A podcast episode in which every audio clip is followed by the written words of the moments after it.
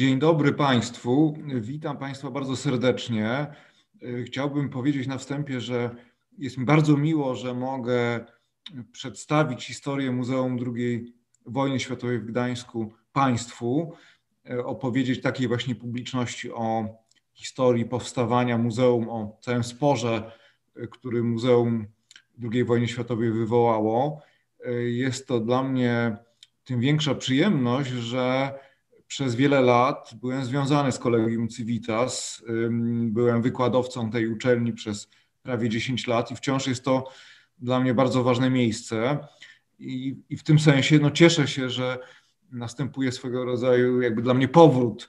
Może nie w mury tej uczelni, bo ze względu na pandemię wykład się musi odbywać online, ale jakby y, powrót do y, jakby działań prowadzonych przez Kolegium Civitas. Także jest mi bardzo miło. Y, proszę Państwa, dzisiaj będę mówił o Muzeum II wojny światowej, jak ono powstawało, jakie spory wywoływało. Postaram się mm, zaproponować jakieś odpowiedzi, dlaczego Muzeum II wojny światowej było, okazało się tak ważnym publicznie tematem. tematem. Y, chcę jednak jakby Państwa przestrzec, że no, ta opowieść będzie prowadzona z punktu widzenia zaangażowanego uczestnika. Ja nie, no, jestem oczywiście profesorem historii, staram się analizować wydarzenia, które mnie otaczają, kontekst historyczny, polityczny, ale w tym przypadku to zadanie jest dla mnie trudniejsze niż zwykle, ponieważ od samego początku byłem częścią tej historii, byłem inicjatorem pomysłu stworzenia Muzeum II wojny światowej. E, byłem e, pierwszym dyrektorem, współtwórcą tego muzeum. Byłem dyrektorem Muzeum II wojny światowej od samego początku, od powołania muzeum jako placówki kultury w listopadzie 2008 roku, aż do kwietnia 2017 roku, gdy byłem, zostałem usunięty z tego stanowiska przez ministra kultury. E, może zacznę po tej jakby przestrodze, którą czułem się zobowiązany Państwu przedstawić. Zacznę od przypomnienia no, elementarnych faktów. Muzeum II wojny światowej zostało otwarte dla publiczności pod koniec marca 2017 roku. Jest to największe muzeum historyczne w Polsce z wszystkich istniejących, jedno z najpopularniejszych także ma około 600 tysięcy zwiedzających rocznie. Połowa mniej więcej to są polscy obywatele, połowa to są przybysze z zagranicy. Gdańsk jest bardzo turystycznym miastem, więc trzeba mieć świadomość, że ta wystawa, która jest w Muzeum II Wojny Światowej, jest adresowana nie tylko do, do polskiej publiczności, ale no, pokazuje historię Polski światu w pewnym sensie. Myślę, że tak można powiedzieć. Y, zanim y, rozpocznę na dobry swój wykład, to pokażę Państwu kilka zdjęć muzeum, bo to jest dosyć niezręczna sytuacja opowiadać o tworzeniu muzeum, o tworzeniu wystawy, nie mając pewności, czy wszyscy, czy nawet większość z Państwa była w muzeum. Więc zacznę od pokazania kilku zdjęć, jak wygląda budynek muzeum z zewnątrz. On jest usytuowany nad kanałem Raduni, tuż przy Motławie, w bezpośrednim sąsiedztwie głównego miasta, czyli no Starówki Gdańskiej. Budynek został zaprojektowany przez Polską Pracownię Architektoniczną z Gdyni. Został wybrany w międzynarodowym, międzynarodowym konkursie architektonicznym, w którym zgłoszonych zostało sto kilkadziesiąt tysięcy projektów, sto kilkadziesiąt projektów, przepraszam, y, a budowa trwała od 2012 roku do, do przełomu 2016 i 2017 roku. Y, y, może zacznę od samego początku, czyli od tego, jak zrodziła się idea Muzeum II wojny światowej. Otóż zaczęło się od artykułu prasowego. Ja w listopadzie 2007 roku opublikowałem artykuł w Gazecie Wyborczej zatytułowany Muzeum zamiast zasieków. E, zaraz wytłumaczę skąd ta może niecodzienna nazwa. W tym artykule proponowałem, żeby stworzyć w Polsce muzeum, które by podjęło próbę takiej całościowej opowieści o II wojnie światowej, przekazania Polsce, światu tego, co najważniejsze w doświadczeniu II wojny światowej, ale ze szczególnym uwzględnieniem perspektywy Polski i perspektywy Europy Środkowo-Wschodniej.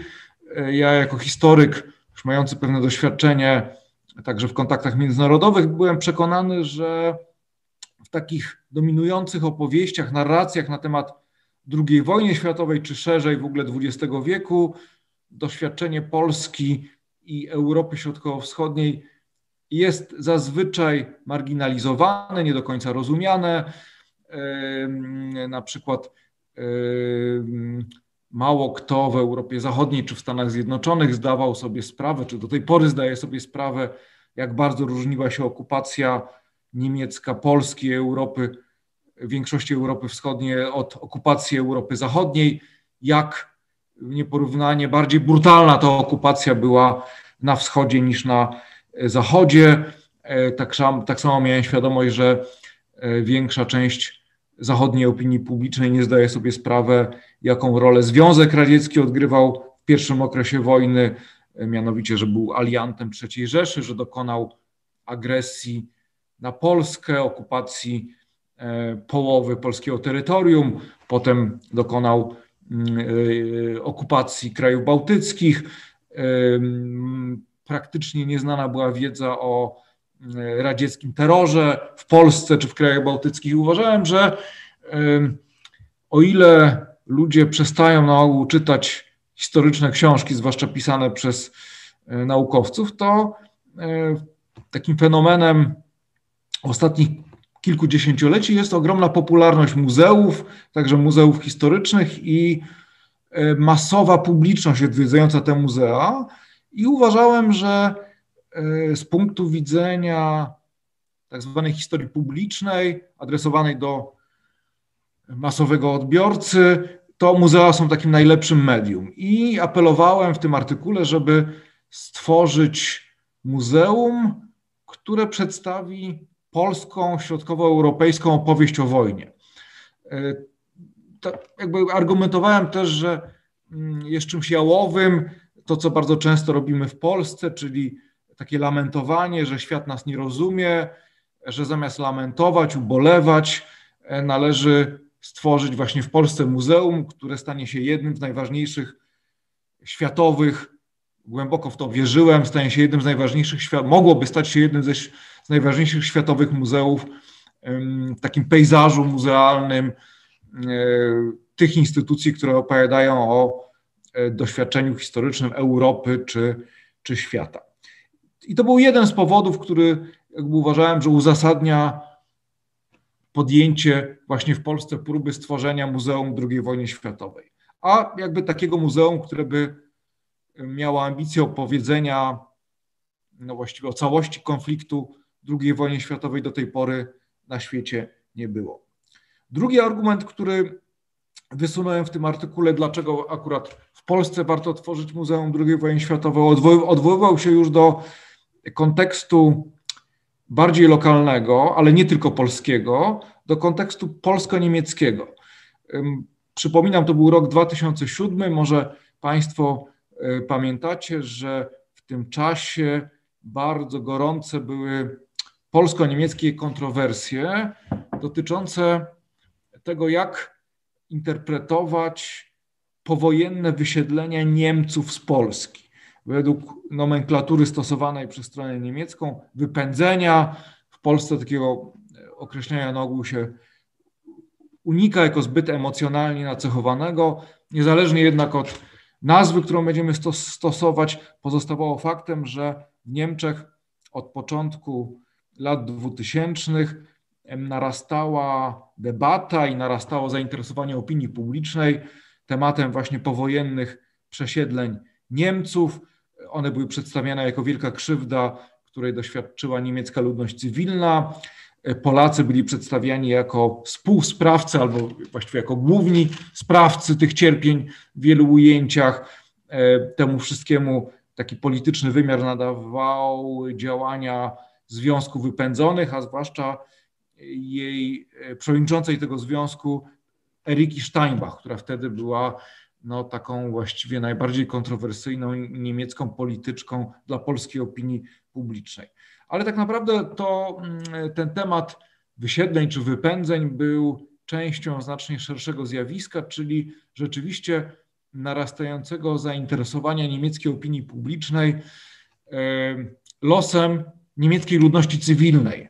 W trakcie II wojny światowej, czy zwłaszcza u schyłku II wojny światowej i bezpośrednio po jej zakończeniu.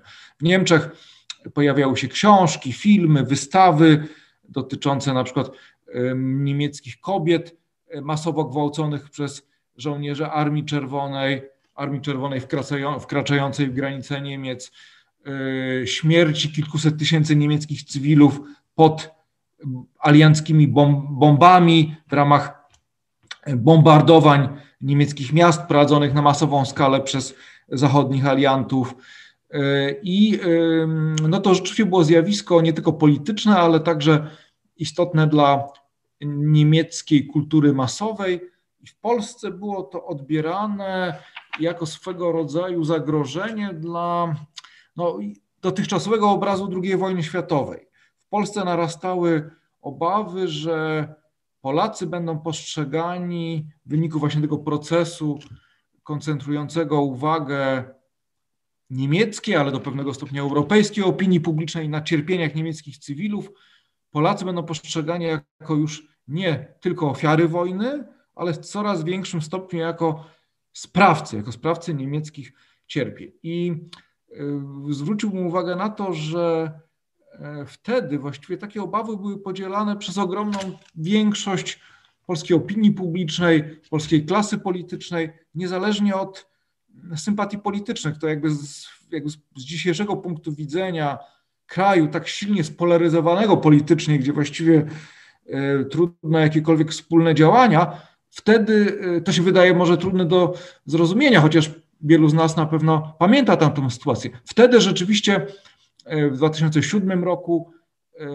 to było stanowisko większej części opinii publicznej, właściwie przygniatającej większości opinii publicznej, że no, trzeba coś zrobić z tym, z tą polsko-niemiecką konfrontacją dotyczącą tego, jak interpretować powojenne wysiedlenia Niemców z Polski. I moja propozycja, sformułowana w tamtym artykule, o którym mówię, była taka, że Muzeum II wojny światowej pokazałoby cały kontekst historyczny, pokazałoby przede wszystkim niemieckie zbrodnie w Polsce i na tym tle dopiero powojenne przesiedlenia by zyskały właściwy sens. No jakby stałyby się czymś znacznie mniej drastycznym niż niemiecka okupacja Polski, niż niemieckie zbrodnie. Także ten kontekst historyczny by tłumaczył, dlaczego te przesiedlenia de facto były konieczne, dlaczego i alianci, którzy pokonali trzecią Rzeszę i właściwie przygniatająca większość Polaków w 1945 roku nie wyobrażała sobie, że w jednym kraju mogłoby jakby ze sobą mieszkać kilka milionów Niemców i dwadzieścia kilka milionów e, Polaków. I uważałem, tak argumentowałem w tym artykule, że zamiast prowadzić niekończące się polemiki z tą niemiecką narracją koncentrującą się na e, cierpieniach niemieckich przesiedlonych, trzeba stworzyć wielkie muzeum historyczne, które opowie, e, przedstawi historię II wojny światowej. Było to tym ważniejsze, że w tym czasie w Niemczech E, przygotowywano się do powołania muzeum w Berlinie, które by właśnie przedstawiało e, los niemieckich wypędzonych, przesiedlonych. E, I no to też powodowało szczególne obawy w Polsce. Notabene to muzeum do tej pory nie zostało otwarte, także przypadek Muzeum II wojny światowej pokazuje, że jako Polacy jesteśmy w stanie stworzyć coś szybciej i coś większego niż Niemcy. I y, te dwa argumenty przedstawiłem w tym artykule, czyli pierwszy argument, że warto polskie doświadczenie wojny, czy doświadczenie wojny Europy Środkowo-Wschodniej przedstawić światu y, i warto też próbować wyjść poza ten taki polsko-niemiecki klincz wokół tematu wypędzeń, przesiedleń, właśnie poprzez stworzenie w Polsce wielkiego y, muzeum na światowym poziomie, które by przyciągało uwagę świata i pozwalało nam naszą polską opowieść przedstawić światu.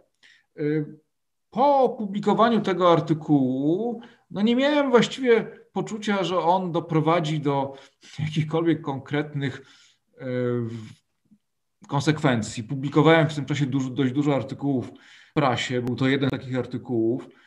Y, uważałem, że pomysł jest dobry, natomiast nie spodziewałem się tego, co nastąpi później. No, jakby doświadczenie historyków jest takie, że mają oni wiele pomysłów, które uważają za bardzo dobre, interesujące, nawet błyskotliwe, natomiast no, e, jakby tego ich przekonania poza nimi czy poza ich środowiskiem rzadko kto podziela. Tym razem było zupełnie inaczej. Tematem e, zainteresował się premier polskiego rządu Donald Tusk. To wynikało jakby ze szczególnej sytuacji, czy może momentu, w którym ten artykuł został opublikowany. E, to było tuż po wyborach parlamentarnych w Polsce w 2007 roku. Przypomnę, że w tych wyborach zwyciężyła Platforma Obywatelska i ona utworzyła rząd.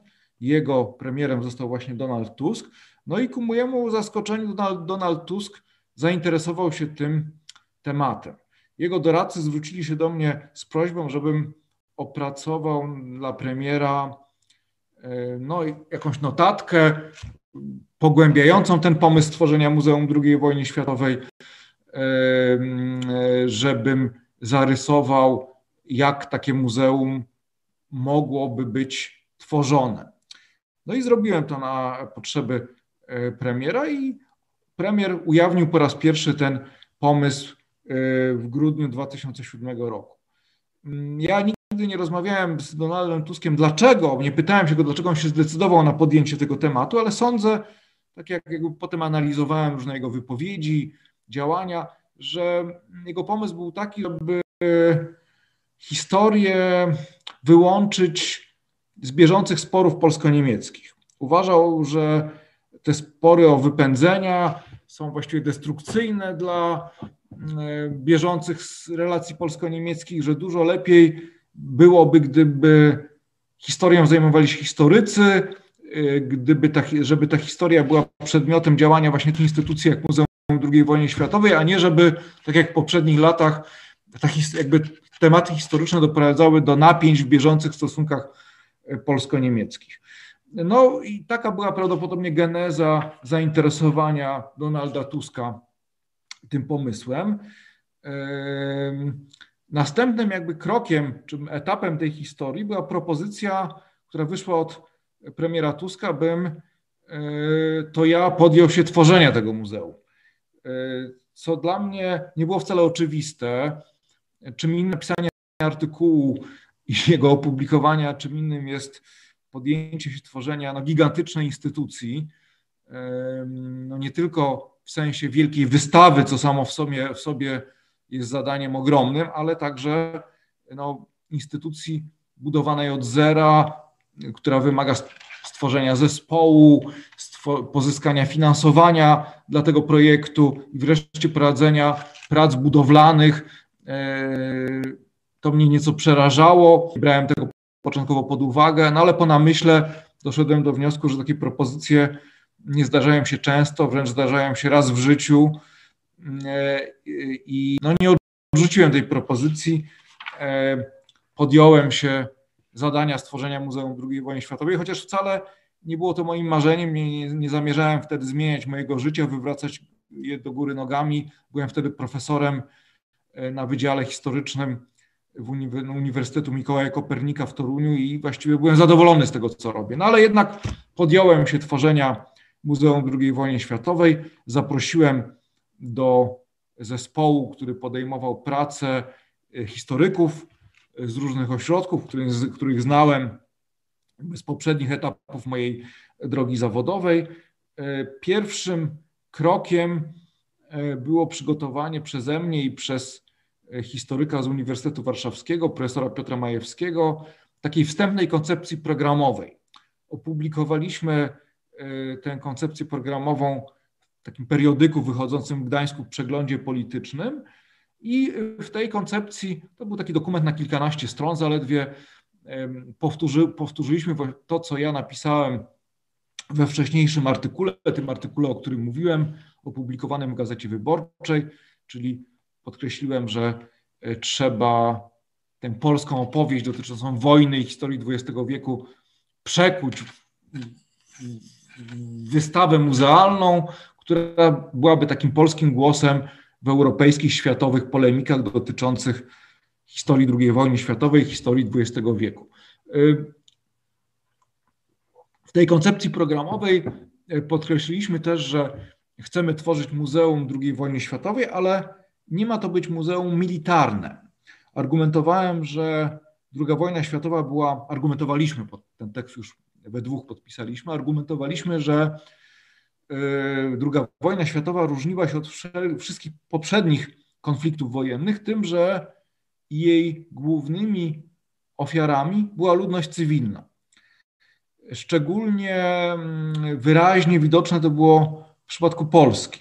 Na mniej więcej 5,5 miliona ofiar poniesionych przez Polskę, 5,5 miliona polskich obywateli, którzy stracili życie w tym konflikcie, tylko niecałych 300 tysięcy to byli żołnierze, a pozostała część, czyli ponad 5 milionów, to była ludność cywilna. Około 3 milionów to byli polscy Żydzi zamordowani y, przez Niemców, a ponad 2 miliony to byli etniczni Polacy. No i wydawało mi się, że e, wydawało nam się, że jest jakby w pełni uzasadnione z tej naszej polskiej perspektywy, żeby koncentrować się na losach ludności cywilnej, żeby to perspektywa cywilów była najważniejsza dla, e, w tej wystawie, którą chcieliśmy stworzyć.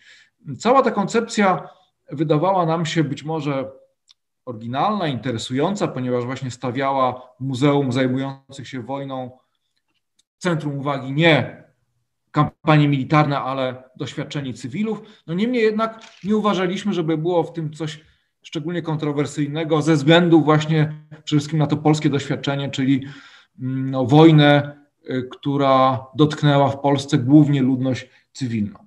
Okazało się jednak zupełnie inaczej. Natychmiast po opublikowaniu tej koncepcji programowej, to nastąpiło pod koniec 2008 roku, w tym samym momencie, gdy muzeum zostało formalnie powołane jako, jako instytucja. Y, od razu po opublikowaniu tej koncepcji programowej wybuchła wielka debata, właściwie burza medialna. Ta koncepcja była atakowana przez środowiska prawicowe, zarówno przez y, mm, dziennikarzy, jak i historyków identyfikujących się z prawicą, ale także, i to chyba najważniejsze z punktu widzenia tego, co później się wydarzy, przez polityków. Ja pamiętam, że tylko w jednym tygodniu, w listopadzie 2008 roku, Jarosław Kaczyński, wówczas lider będącej w opozycji partii Prawa i Partii Prawo i Sprawiedliwość, Jarosław Kaczyński w jednym tylko tygodniu trzy razy w swoich przemówieniach skrytykował, wręcz zaatakował Muzeum II wojny światowej. Jedno z tych przemówień miało miejsce w Sejmie. Zarzucił Donaldowi Tuskowi i rządowi Platformy Obywatelskiej, że poprzez to muzeum, poprzez koncepcję tego muzeum na razie, poprzez muzeum jeszcze nie istniało, poprzez to muzeum e, Platforma Obywatelska chce doprowadzić, doprowadzić do dezintegracji narodu polskiego. To było bardzo mocne oskarżenie oczywiście. Myślę, że no, zaskakujące dla nas bardzo, dla autorów koncepcji programowej, dla mnie samego. No i właściwie e, jedyne argumenty, które miały popierać tę tezę, to były takie, że one się powtarzały w tych prawicowych atakach na, na, na koncepcję muzeum, formułowanych także przez dziennikarzy, historyków.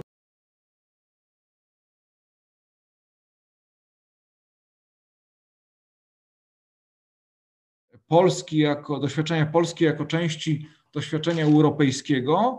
My zagrażamy polskiej wyjątkowości, wyjątkowości polskiego heroizmu, wyjątkowości e, polskich cierpień poniesionych, doświadczonych w czasie II wojny światowej.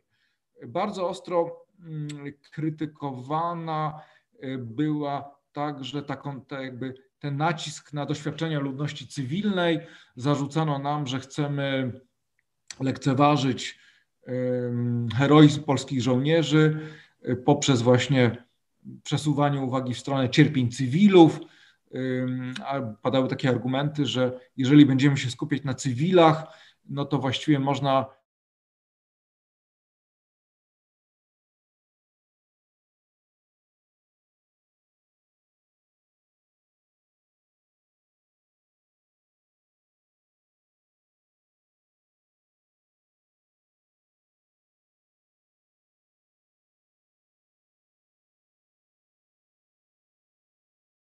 chcemy tworzyć jakąś taką europejską świadomość zamiast narodowej, porównywano koncepcję Muzeum II wojny światowej e, z Domem Historii Europejskiej w Brukseli. W tym czasie rozpoczęto także w Brukseli pod egidą Parlamentu Europejskiego tworzenie no, de facto Muzeum Europy pod nazwą Dom Historii Europejskiej. E, porównywano też koncepcję Muzeum II wojny światowej e, do tworzonych wówczas albo niekiedy już istniejących międzynarodowych podręczników. Do, powstał już wcześniej taki podręcznik niemiecko-francuski pokazujący historię obu tych narodów i y, trwały prace nad polsko-niemieckim podręcznikiem, podręcznikiem y, do historii. No i to, te wszystkie te projekty były przez prawicę przedstawiane jako próby tworzenia takiej ponadnarodowej świadomości historycznej, niebezpieczne, jak argumentowano, dla polskiej świadomości narodowej. Pojawiały się także bardziej radykalne zarzuty, wręcz oskarżające mnie i, i innych historyków, którzy, których zaprosiłem do współpracy o to, że działamy na zlecenie Berlina czy Brukseli, Unii Europejskiej, że nie reprezentujemy polskich interesów, ale interesy zewnętrznych ośrodków. Atakowano mnie za to, że zaprosiłem do E, Rady Naukowej Muzeum nie tylko polskich historyków, ale także zagranicznych historyków. Przedstawiano to jako taką groźbę, że kontrolę nad polską historią e, przejmą zewnętrzne siły. To był rok 2008. Ja mówię tak dużo o tej pierwszej krytyce, ponieważ ona właściwie stworzyła no, pewną linię podziałów, która zachowa swoją aktualność do dzisiaj. Podobne zarzuty będą formułowane pod adresem muzeum właściwie w kolejnych latach aż do e, dzisiaj. E, kolejne lata, czyli między rokiem 2008 a 2015, kiedy do, diametralnie zmienił się kontekst polityczny, e, w którym funkcjonowało muzeum, zmienił się, ponieważ do władzy wróciło Prawo i Sprawiedliwość. Kolejne lata to z jednej strony było tworzenie muzeum, niezwykle żmudna, ogromna praca, którą tutaj jakby nie mam czasu w szczegółach, której nie mam czasu w szczegółach przedstawiać, a z drugiej strony no, powracające ataki e, na muzeum. Mm, Jarosław Kaczyński szczególną uwagę osobiście przykładał do muzeum i w kolejnych swoich wystąpieniach przy różnych okazjach atakował muzeum. Na przykład y, w roku 2013 na Kongresie Prawa i Sprawiedliwości zapowiedział, że jeżeli jego partia wróci do władzy, to będzie chciała zmienić kształt Muzeum II wojny światowej, tak żeby wystawa w tym muzeum wyrażała polski punkt widzenia. To jest cytat z Jarosława Kaczyńskiego. W 2015 roku w trakcie kampanii przed wyborami parlamentarnymi też nawiązywał do muzeum i zapowiadał, że PiS no, będzie chciało przejąć kontrolę nad Muzeum II wojny światowej. Więc jakby tworzyliśmy muzeum w okolicznościach, które może y, nie były zbyt spokojne. Jakby ja sobie zdawałem sprawę, że ten projekt jest y, no, kontestowany przez prawicę, no i spodziewałem się, że będzie on wywoływał kolejne kontrowersje na wzór tych, o których mówiłem e, w przypadku 2008 roku. Ja za chwilę przejdę do opowieści o tym, co działo się w tej jakby już końcowej fazie prac nad stworzeniem muzeum po przejęciu władzy przez Prawo i Sprawiedliwość, ale teraz e, zaproponuję Państwu mały przerywnik, pokażę jak to muzeum wygląda, bo łatwiej nam będzie no jakby odnosić się do tych wszystkich zarzutów, które padały i padają do dzisiaj właściwie wobec Muzeum II Wojny Światowej, no wiedząc jak to muzeum wygląda. Ja zresztą zakładam, że część z Państwa w nim była, ale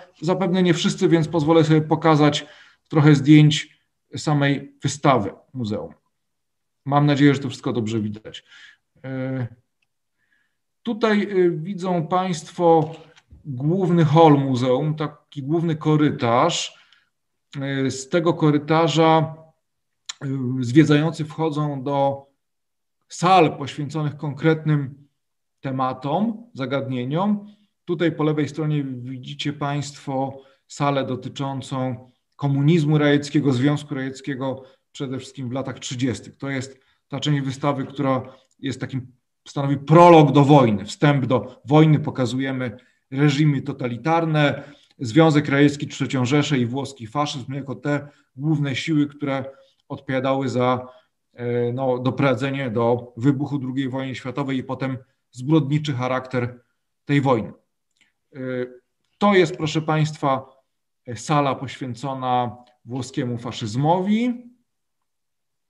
Widzicie Państwo e, portret Duce i głowę Duce Mussoliniego. To jest część e, poświęcona III Rzeszy, znaczy fragment. W rzeczywistości ta sala jest większa, nie wszystko widzimy. Zwracam uwagę na głowę Hitlera. Z nią się wiąże ciekawa historia. Otóż e, ona została odnaleziona zupełnie przypadkiem w 2014 roku na mm, w ogrodzie Muzeum Narodowego w Gdańsku i wszystko wskazuje na to, że po prostu Niemcy przed upadkiem Gdańska obleganego przez Armię Czerwoną i przez polskich żołnierzy w marcu 1945 roku zakopali, ukryli tę głowę. E, to jest, e, ona jest autorstwa takiego bardzo znanego niemieckiego artysty Toraka, ulubionego artysty, ulubionego rzeźbiarza Hitlera. Także jakby no, my pozyskaliśmy E, tę głowę jako eksponat z Muzeum Narodowego w Gdańsku, ale warto wiedzieć, że z nią się wiąże, jak sądzę, interesująca historia. To jest, proszę Państwa, rekonstrukcja ulicy Warszawskiej z lat 30. i poprzez tę ulicę pokazuje, to jest jakby snujemy opowieść o II Rzeczypospolitej. Mm, o tym państwie, o tym społeczeństwie, które zostało zaatakowane przez e, III Rzeszę i Związek Radziecki we wrześniu 1939 roku. Tutaj mamy jedną z sal poświęconych militarnym aspektom wojny. Ja mówiłem o tym, że muzeum przedstawia głównie perspektywę ludności cywilnej, no niemniej jednak ma ono ambicje przedstawienia całościowego obrazu wojny, a więc pokazujemy wszystkie kampanie, najważniejsze kampanie militarne, pokazujemy ewolucję techniki wojskowej, ale w tych częściach militarnych też koncentrujemy się nie tyle na bitwach, ale na perspektywie zwykłego żołnierza. Żołnierza e, jako członka walczącej armii, ale także jakby e, człowieka, który tęskni za swoją rodziną, który jest ranny, który dostaje się do niewoli. Jest bardzo obszerna część wystawy poświęcona jeńcom e, wojennym. To jest, proszę Państwa, część wystawy poświęcona robotnikom przymusowym,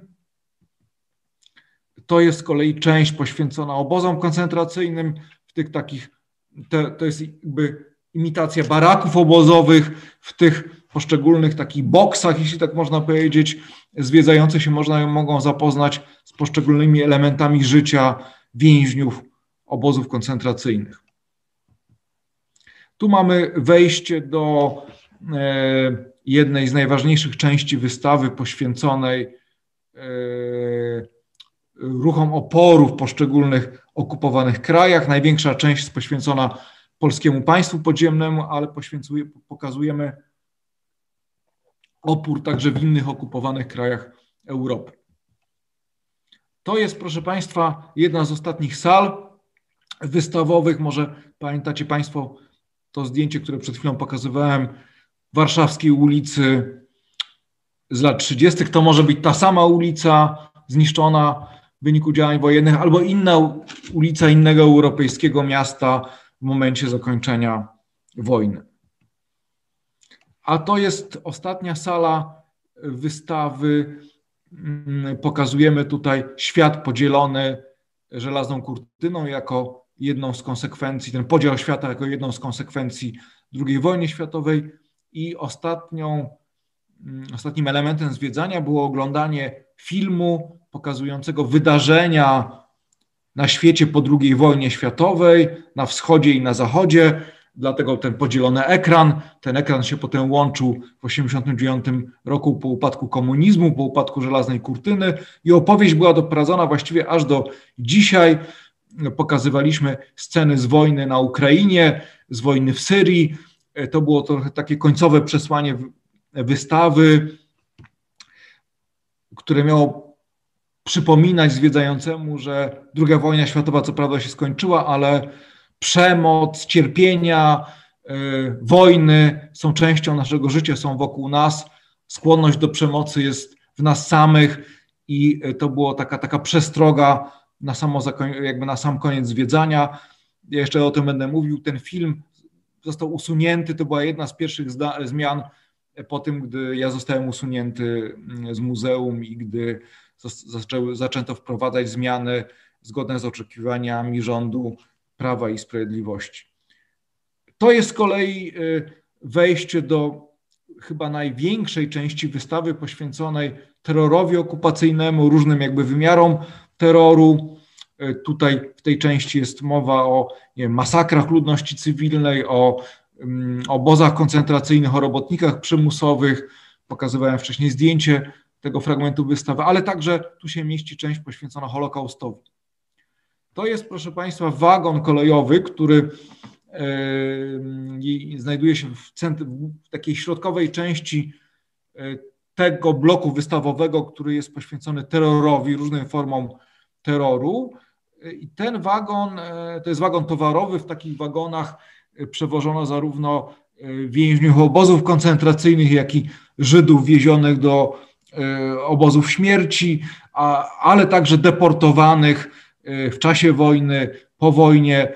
Ten wagon symbolizuje różne jakby oblicza terroru, zarówno niemieckiego, jak i radzieckiego. W tej części wystawy mówimy także o wojennych przesiedleniach dokonywanych zarówno przez Niemców, jak i Sowietów. To jest część poświęcona Holokaustowi. Akurat w tej sali opowiadamy o mm, Auschwitz, i to jest taka artystyczna instalacja z walizek Żydów zamordowanych y, w Auschwitz. To jest jedna z walizek należących do zamordowanych żydowskich ofiar. I teraz, proszę Państwa, wrócę do drugiej części opowieści o Muzeum II wojny światowej. Y, po tych wszystkich atakach ze strony prawicy, ze strony Prawa i Sprawiedliwości na muzeum, ja sobie oczywiście zdawałem sprawę, że jeżeli muzeum dojdzie, jeżeli PiS wróci do władzy, no to dla muzeum będzie bardzo trudna sytuacja. E, jesienią 2015 roku, gdy powstał rząd e, Prawa i Sprawiedliwości, muzeum jeszcze nie było ukończone. Ono było w takim końcowym etapie prac budowlanych. Budynek już był bardzo zaawansowany ale nie zaczynała się jeszcze nawet produkcja wystawy, nie mówiąc o instalacji wystawy. Ja oceniałem, że potrzebuje jeszcze około półtora roku prac, żeby muzeum mogło być udostępnione publiczności. No i oczywiście nie było dla mnie e, jasne, czy dane mi będzie e, jakby zakończyć swoją misję, doprowadzić do mm, otwarcia muzeum dla publiczności. No, chciałem, żeby tak się stało po tylu latach pracy które temu projektowi poświęciłem ja i wszyscy ludzie, którzy wraz ze mną pracowali w Gdańsku. Sytuacja była taka, że ja, tak jak i inni dyrektorzy instytucji kultury, miałem wieloletni kontrakt. E, te kontrakty, ta zasada wieloletnich kontraktów została wprowadzona do ustawodawstwa przez rząd Platformy Obywatelskiej. Ona miała gwarantować pewną stabilność dyrektorom instytucji kultury, ich niezależność od no, danego kontekstu politycznego. Ja miałem taki kontrakt, który się kończył dopiero wraz z końcem roku 2019 roku. Jego przerwanie właściwie było bardzo trudne na gruncie prawa. Rząd musiał udowodnić, że ja złamałem prawo i wtedy ten kontrakt mógłby być przed czasem e, zakończony.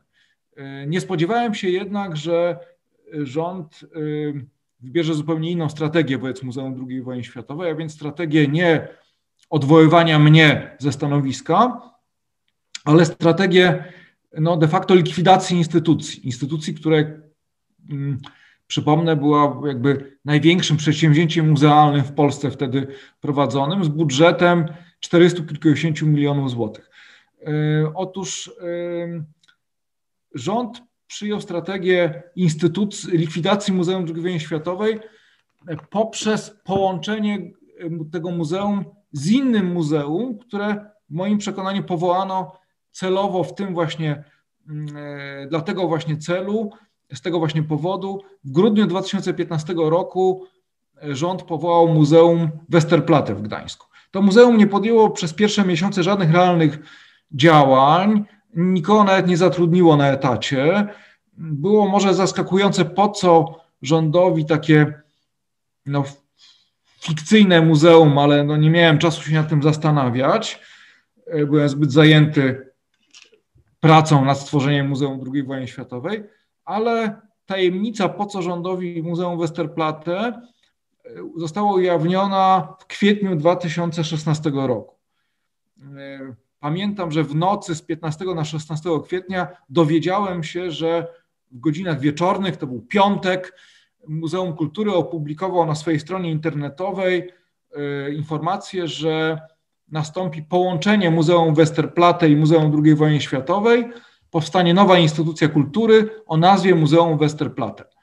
Czyli był to projekt w ogóle likwidacji Muzeum II wojny światowej, e, no mimo że prace nad otwarciem tego muzeum, na stworzenie tego muzeum były już w fazie właściwie końcowej. E, ten projekt likwidacji nawet nazwy Muzeum II wojny światowej musiał być zmodyfikowany przez rząd, ponieważ rząd nie zdawał sobie sprawy, że E, Muzeum II wojny światowej było budowane na działce otrzymanej jako darowizna od miasta Gdańska i jakby w akcie notarialnym było zapisane, e, że e, jeżeli na tej działce nie powstanie Muzeum II wojny światowej tam do konkretnej daty, to darowizna zostanie wycofana. W związku z tym rząd musiał zmodyfikować swój pierwotny plan i nadal miał dojść do połączenia tych dwóch instytucji, czyli naszego realnie no, istniejącego muzeum zatrudniającego kilkadziesiąt osób i tej no, takiej instytucji jakby pewnej zjawy fikcyjnego muzeum, Muzeum Westerplatte, ale rezultatem miała być nowa instytucja kultury o nazwie Muzeum II wojny światowej. W praktyce to oznaczało, że mój kontrakt byłby przerwany, ponieważ istniejące Muzeum II wojny światowej po prostu by zniknęło, a zostałoby powołane zupełnie nowe E, muzeum. Prawdopodobnie zupełnie inną wystawą, no, dotyczącą zapewne przede wszystkim Westerplatte, bo tak deklarował rząd. I kolejnych kilkanaście miesięcy to była dosyć szalona walka z czasem, e, żeby z mojej strony, przynajmniej z mojej perspektywy, żeby stworzyć, żeby doprowadzić do ukończenia prac budowlanych, żeby zainstalować w budynku Muzeum II Wojny Światowej wystawę i żeby otworzyć je dla publiczności, zanim rząd zlikwiduje formalnie Muzeum II Wojny Światowej. Była to dosyć szalona sytuacja, e, nie występująca wcześniej ani w Polsce, ani według mojej wiedzy w żadnym innym kraju europejskim. Było to otwieranie de facto, próba otworzenia muzeum, muzeum powstającego muzeum wbrew stanowisku rządu który chciał zlikwidować to muzeum. E, ja odwołałem, jako dyrektor muzeum złożyłem skargę do sądu administracyjnego, e, domagając się tego, żeby sąd wstrzymał likwidację Muzeum II wojny światowej. Taką samą skargę złożył Rzecznik Praw Obywatelskich, uważając, że działania ministra kultury w wielu sprawach naruszają prawo, naruszają także konstytucję. I trzecią skargę złożył złożyło miasto Gdańsk jako ta instytucja, ten podmiot, który darował grunt, na którym muzeum było tworzone. E, sąd administracyjny zawiesił decyzję ministra o likwidacji istniejącego Muzeum II wojny światowej poprzez połączenie muzeum z Muzeum Westerplatte. No i darowany był nam czas właściwie trudny do określenia, ponieważ minister się odwołał do Najwyższego Sądu Administracyjnego.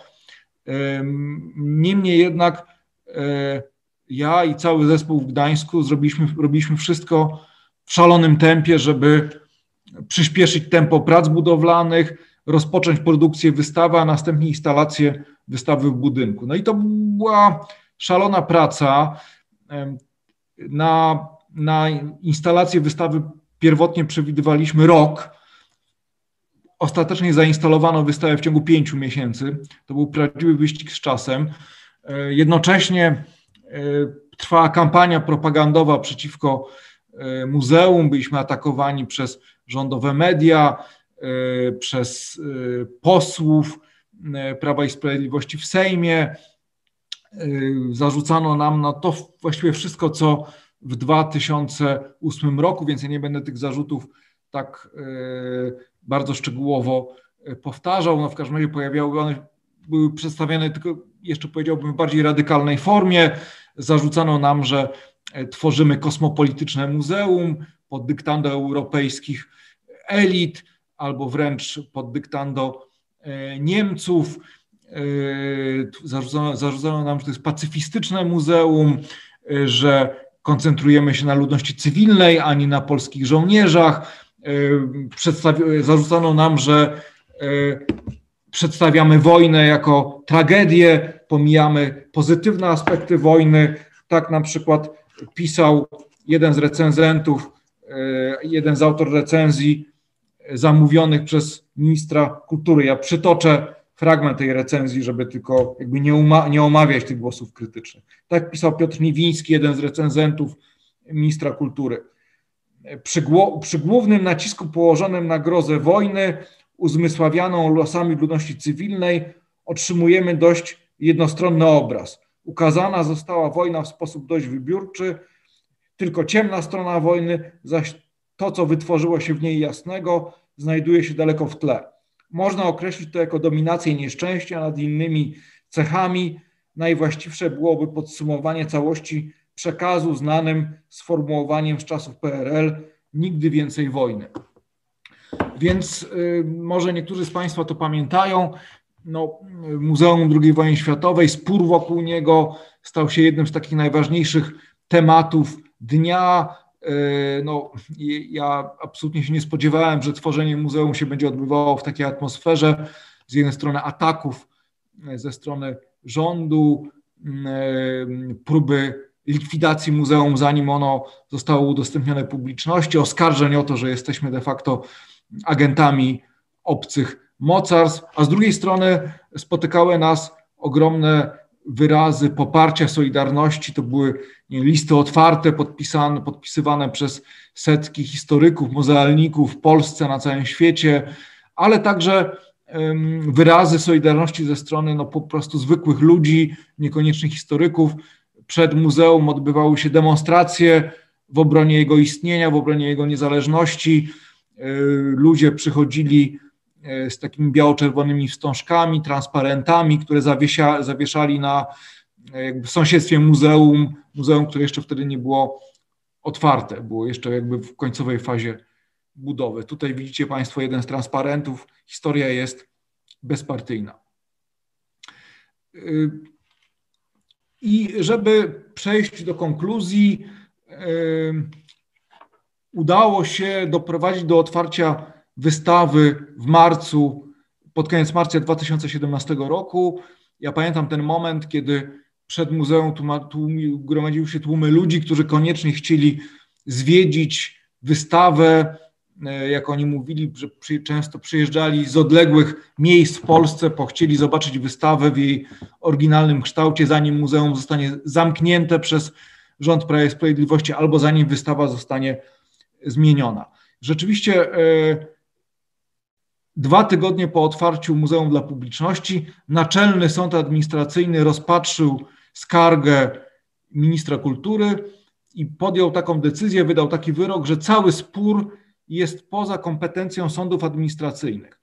Jakby, czyli nie przyznał racji ani mnie jako dyrektorowi muzeum, który protestował przeciwko likwidacji muzeum II wojny światowej, ani ministrowi. Uznał, że ta sprawa jest poza kompetencją sądów administracyjnych. To, uznawało, to oznaczało, że y, rząd ma wolne ręce w sprawie muzeum i rzeczywiście następnego dnia po wyroku sądu y, dotychczas istniejące Muzeum II wojny światowej zostało zlikwidowane, zostało wykreślone z rejestru instytucji kultury. W jego miejsce powołano nową instytucję kultury, nowe Muzeum II wojny światowej. Ja nawet nie zostałem zwolniony z pracy, ja po prostu y, przestała istnieć instytucja, której byłem e, dyrektorem. Nowy dyrektor mianowany przez ministra kultury zapowiedział, że mm, dokona na wystawie, wystawie zmian, no, które będą zgodne z tym nurtem prawicowej krytyki wobec muzeum formułowanym od 2008 roku. No ja jednak miałem wielką satysfakcję, że ostatecznie muzeum zostało otwarte, bo jeszcze rok wcześniej wydawało się, że nie ma szansy na dokończenie budowy. Uważałem, że jest to wielki sukces historyków, a de facto społeczeństwa obywatelskiego, które wbrew stanowisku, wbrew próbom likwidacji muzeum, y, doprowadzi, doprowadziło do otwarcia muzeum dla publiczności i ta publiczność będzie miała możliwość wyrobienia sobie własnego zdania na temat e, wystawy muzeum. I e, zanim pierwsze zmiany zostały wprowadzone, e, mniej więcej pół roku po otwarciu muzeum, już kilka, kilkaset tysięcy ludzi, około 300 tysięcy ludzi mogło obejrzeć muzeum w kształcie niezmienionym paradoksalnie wciąż trwały ataki na koncepcję, tą pierwotną Muzeum II wojny światowej. Muzeum było wciąż atakowane, to pierwotne muzeum przez e, Jarosława Kaczyńskiego. Przytoczę Państwu taką bardzo charakterystyczną wypowiedź Jarosława Kaczyńskiego. W lipcu 2017 roku e, w wywiadzie telewizyjnym Kaczyński stwierdził, mm, że e, tutaj cytuję: Muzeum II wojny światowej w Gdańsku, taki swoisty dar Donalda Tuska dla Angeli Merkel, to jest nic innego jak wpisanie się w niemiecką politykę historyczną. To jest muzeum, które wpisuje się w niemiecką politykę historyczną. Kiedy my to chcemy zmienić, kiedy minister kultury to zmienia, to Rzecznik Praw Obywatelskich zaskarża to do sądów i sądy nakazują, by te zmiany były wycofywane. Taką mamy dzisiaj w Polsce sytuację i stąd ta reforma sądownictwa, do której ciągle wracamy. Dlatego, że tu jest super ważna sprawa i to jest tak bezwzględnie, jest tak bezwzględnie potrzebna. Kaczyński mówił to w lipcu 2017 roku, wtedy, gdy w Polsce trwały masowe demonstracje przeciwko ustawom uchwalonym w, uchwalanym w Sejmie, które miały podporządkować rządowi e, no, Krajową Radę Sądownictwa i Sąd e, Najwyższy. W następnych miesiącach e, do wystawy były wprowadzane zmiany e, zgodne właśnie z oczekiwaniami czy Jarosława Kaczyńskiego, czy ministra kultury Piotra Glińskiego. E, te zmiany, no ja nie mam czasu ich wszystkich ocenia, omawiać, one generalnie polegały na usuwaniu pewnych fragmentów wystawy i wprowadzaniu nowych. Te zmiany z jednej strony miały jakby akcentować polski heroizm, polskie cierpienia, a z drugiej strony usuwać te wątki, które uznawano za zbyt międzynarodowe. Pierwsza zmiana, o której już wcześniej wspomniałem, to było usunięcie tego końcowego filmu, który pokazywał wydarzenia na świecie, w Polsce i na świecie po zakończeniu e, II wojny światowej i zastąpienie go takim filmem, który został wyprodukowany nawet nie przez nowe Muzeum II wojny światowej, ale e, przez Instytut Pamięci Narodowej w filmie zatytułowanym Niepokonani. To jest taki film animowany, y, który no, jakby pokazuje wyłącznie polską perspektywę e, y, Polaków jako tych, którzy no, walczyli y, z Sowietami, z III Rzeszą i którzy potem doprowadzili do obalenia żelaznej kurtyny w 1989 roku. Inne zmiany to jest na przykład taka zmiana statystyki ofiar wojny. Było krytykowane to, że w tej statystyce pierwotnej no, była mowa o tym, że zgodnie z faktami historycznymi e, największe straty poniósł Związek Radziecki 27 milionów zabitych. E, teraz zmieniono tę statystykę, wybijając na, na plan pierwszy procentowy mm, udział strat w populacji e, danego kraju, czyli jakby w tej statystyce jakby wyszło na to, że Polska była krajem, który ucierpiał najwięcej, ponieważ zginęło około 20% e, polskich obywateli. Dodano nowe elementy wystawy, na przykład taką instalację o, Polaków ratują, o Polakach ratujących Żydów.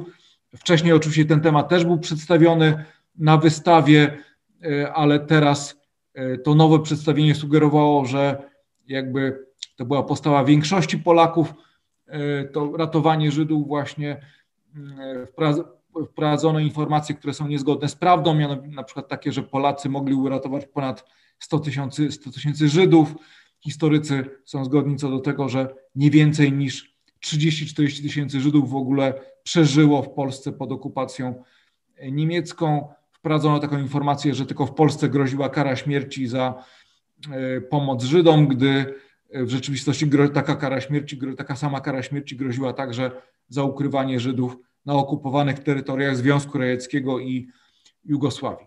Niektóre informacje usuwano, na przykład usunięto informację o tym, że w szeregach partyzantki radzieckiej walczyło około pół miliona ludzi.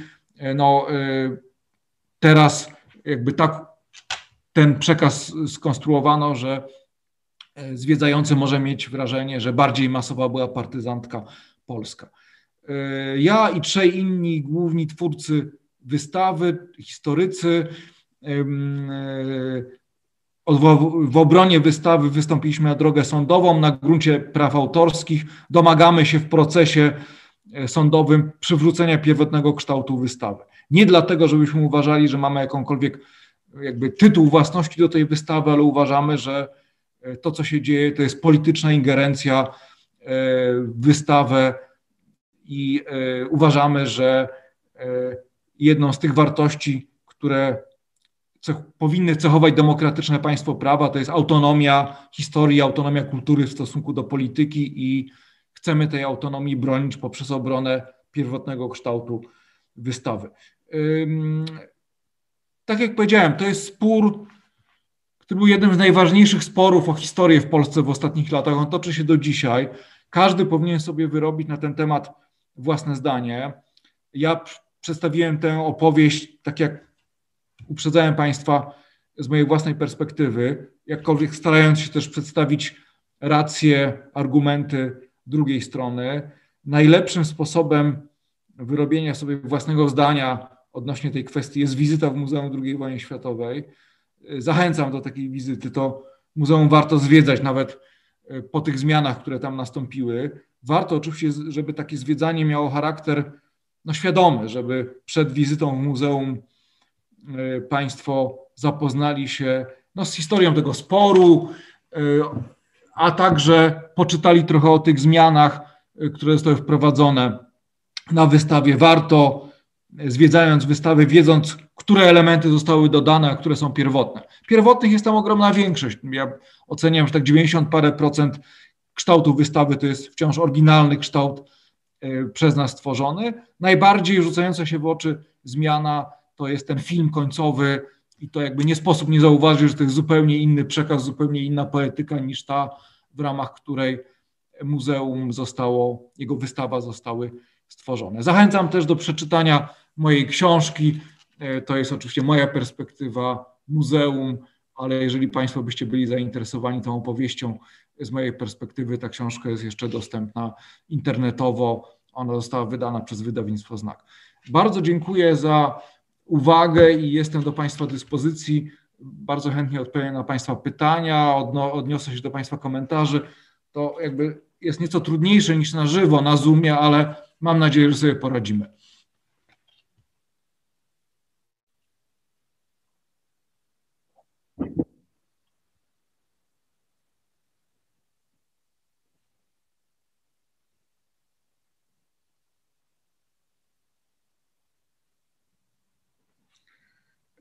Pytanie padło, czy w muzeum jest dostępny zakup książek. Proszę Państwa, już nie jestem od czterech lat w muzeum. Za moich czasów, jak byłem dyrektorem, książki były oczywiście do. My wydawali, wydawaliśmy książki, wydawa, wydaliśmy kilkadziesiąt książek. One były dostępne online czy w księgarni w muzeum. W tej chwili trudno mi e, jakby odpowiedzieć na to pytanie. Nie wiem, co jest e, sprzedawane w muzeum. Wiem na przykład, że katalog wystawy, który stworzy, który wydaliśmy, nie jest dostępny.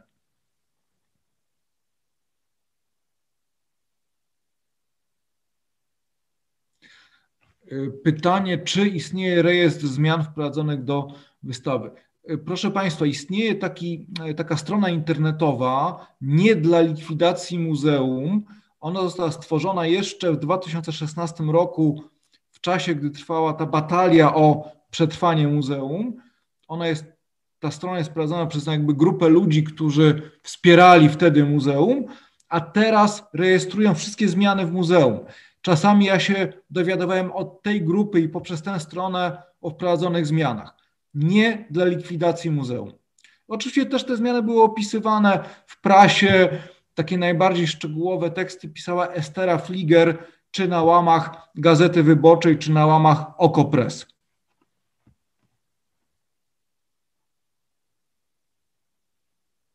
Bardzo Państwu dziękuję. Do widzenia.